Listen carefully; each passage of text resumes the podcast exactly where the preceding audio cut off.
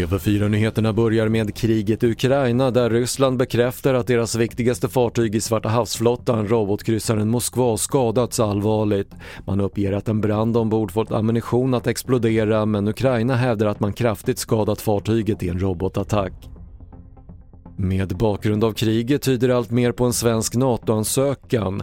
Efter gårdagens statsministermöte mellan Magdalena Andersson och Finlands Sanna Marin kommer nya uppgifter om Sveriges väg mot medlemskap och enligt DN har Socialdemokraterna redan tagit fram en tidsplan där beslutet ska fattas den 24 maj. Och den 62-årige man som misstänks ligga bakom attacken i New Yorks tunnelbana i tisdags där 16 personer skadades greps igår.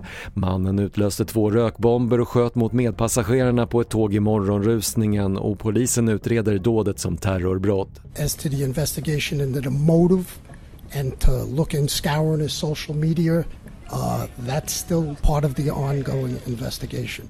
Det sa James Essig vid New York-polisen och fler nyheter hittar du på tv4.se. Jag heter Patrik Lindström.